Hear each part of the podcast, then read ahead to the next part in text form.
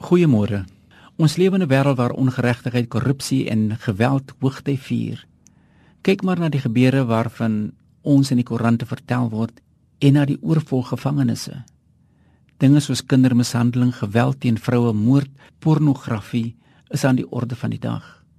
Plaas daar ook menslike eie gewaan, ongeloof, jag na plesier en ons het 'n groot prent wat hard uitroep tot hulp.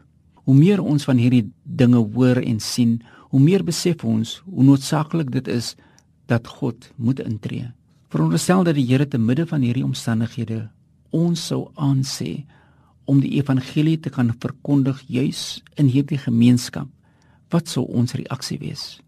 Dit was die taak wat Jona moes uitvoer en ons lees hiervan in Jona 4 van vers 1 tot 11. Hy moes God se boodskap aan die Assiriërs, daardie magtige ryk van die ou nabye ooste maar ook Israel se mees gehate en gevreesde vyand moes bring. Die Assiriërs het ook al mag in die wêreld met hartelose en wrede optrede gevestig. Jona het dus geweier om met die Assiriërs te werk. Die verhaal van Jona is meer as net die verhaal van 'n man en 'n groot vis. Dit is 'n verhaal van 'n profeet se roeping, sy gehoorsaamheid of ongehoorsaamheid, sy poging om van sy opdrag weg te vlug, maar ook die wyse waarop die Here hom laat omdraai het en die opdrag 'n tweede maal aan hom gegee het. Die verhaal van Jona is ook 'n verhaal van God se oneindige genade en groote liefde. God het 'n manier om ons nie toe te laat om weg te kom met goed nie. God in sy almag hou die taak van roeping lewendig vir elke mens. 'n Mens hoor baie die gesegde as ek maar net. Jona was 'n profeet wat baie populêr was. Jy weet baie keer in ons populariteit wil die boodskapper groter wees as die een wat hom gestuur het. Populariteit laat ons 'n beeld skep van onsself waar God 'n bywoner word en ons neem die die bewonderstatus op onsself. En so tree God in soms op tragiese wyse.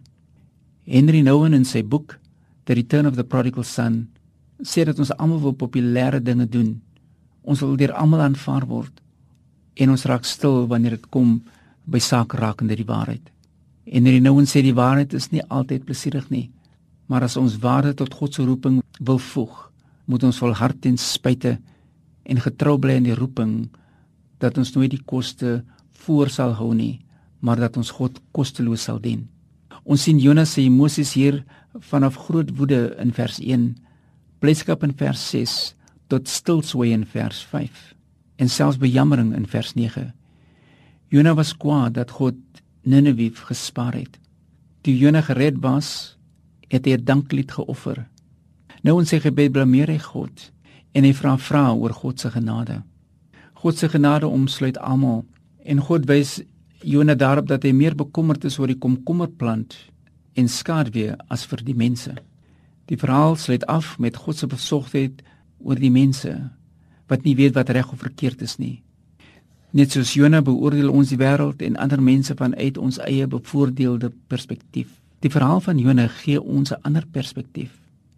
Die evangeliese perspektief van 'n skepper wat besorgd is oor sy skepsels en hulle deur genade omvul.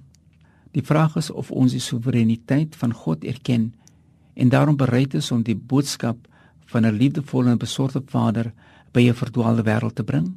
Ek dink die antwoord hierop, gagte vriende, sal my bereidwilligheid wees om vir God te dien in liefde en my verloorgaande wêreld te vertel van die grootheid en die mooiheid van Christus Jesus. Dit is belangrik, geagte vriende, dat ek in U God vertrou, dat ek in U vasberade moet wees om God se perspektief uit te leef, dat ek in U vasbeslote moet wees om die wil van God aan ons wêreld bekend te maak, dat ek in U so sal strewe om te luister na die roepstem van God en te gaan presies daar waar God vir my en vir u stuur. Ek bid hierdie dag dat ons net getrou sal wees aan die stem van God en volg daar waar God vir ons stuur. Ons bid saam, Here, wees met ons hierdie dag. Versterk en seën ons in ons roeping in die naam van Jesus. Amen.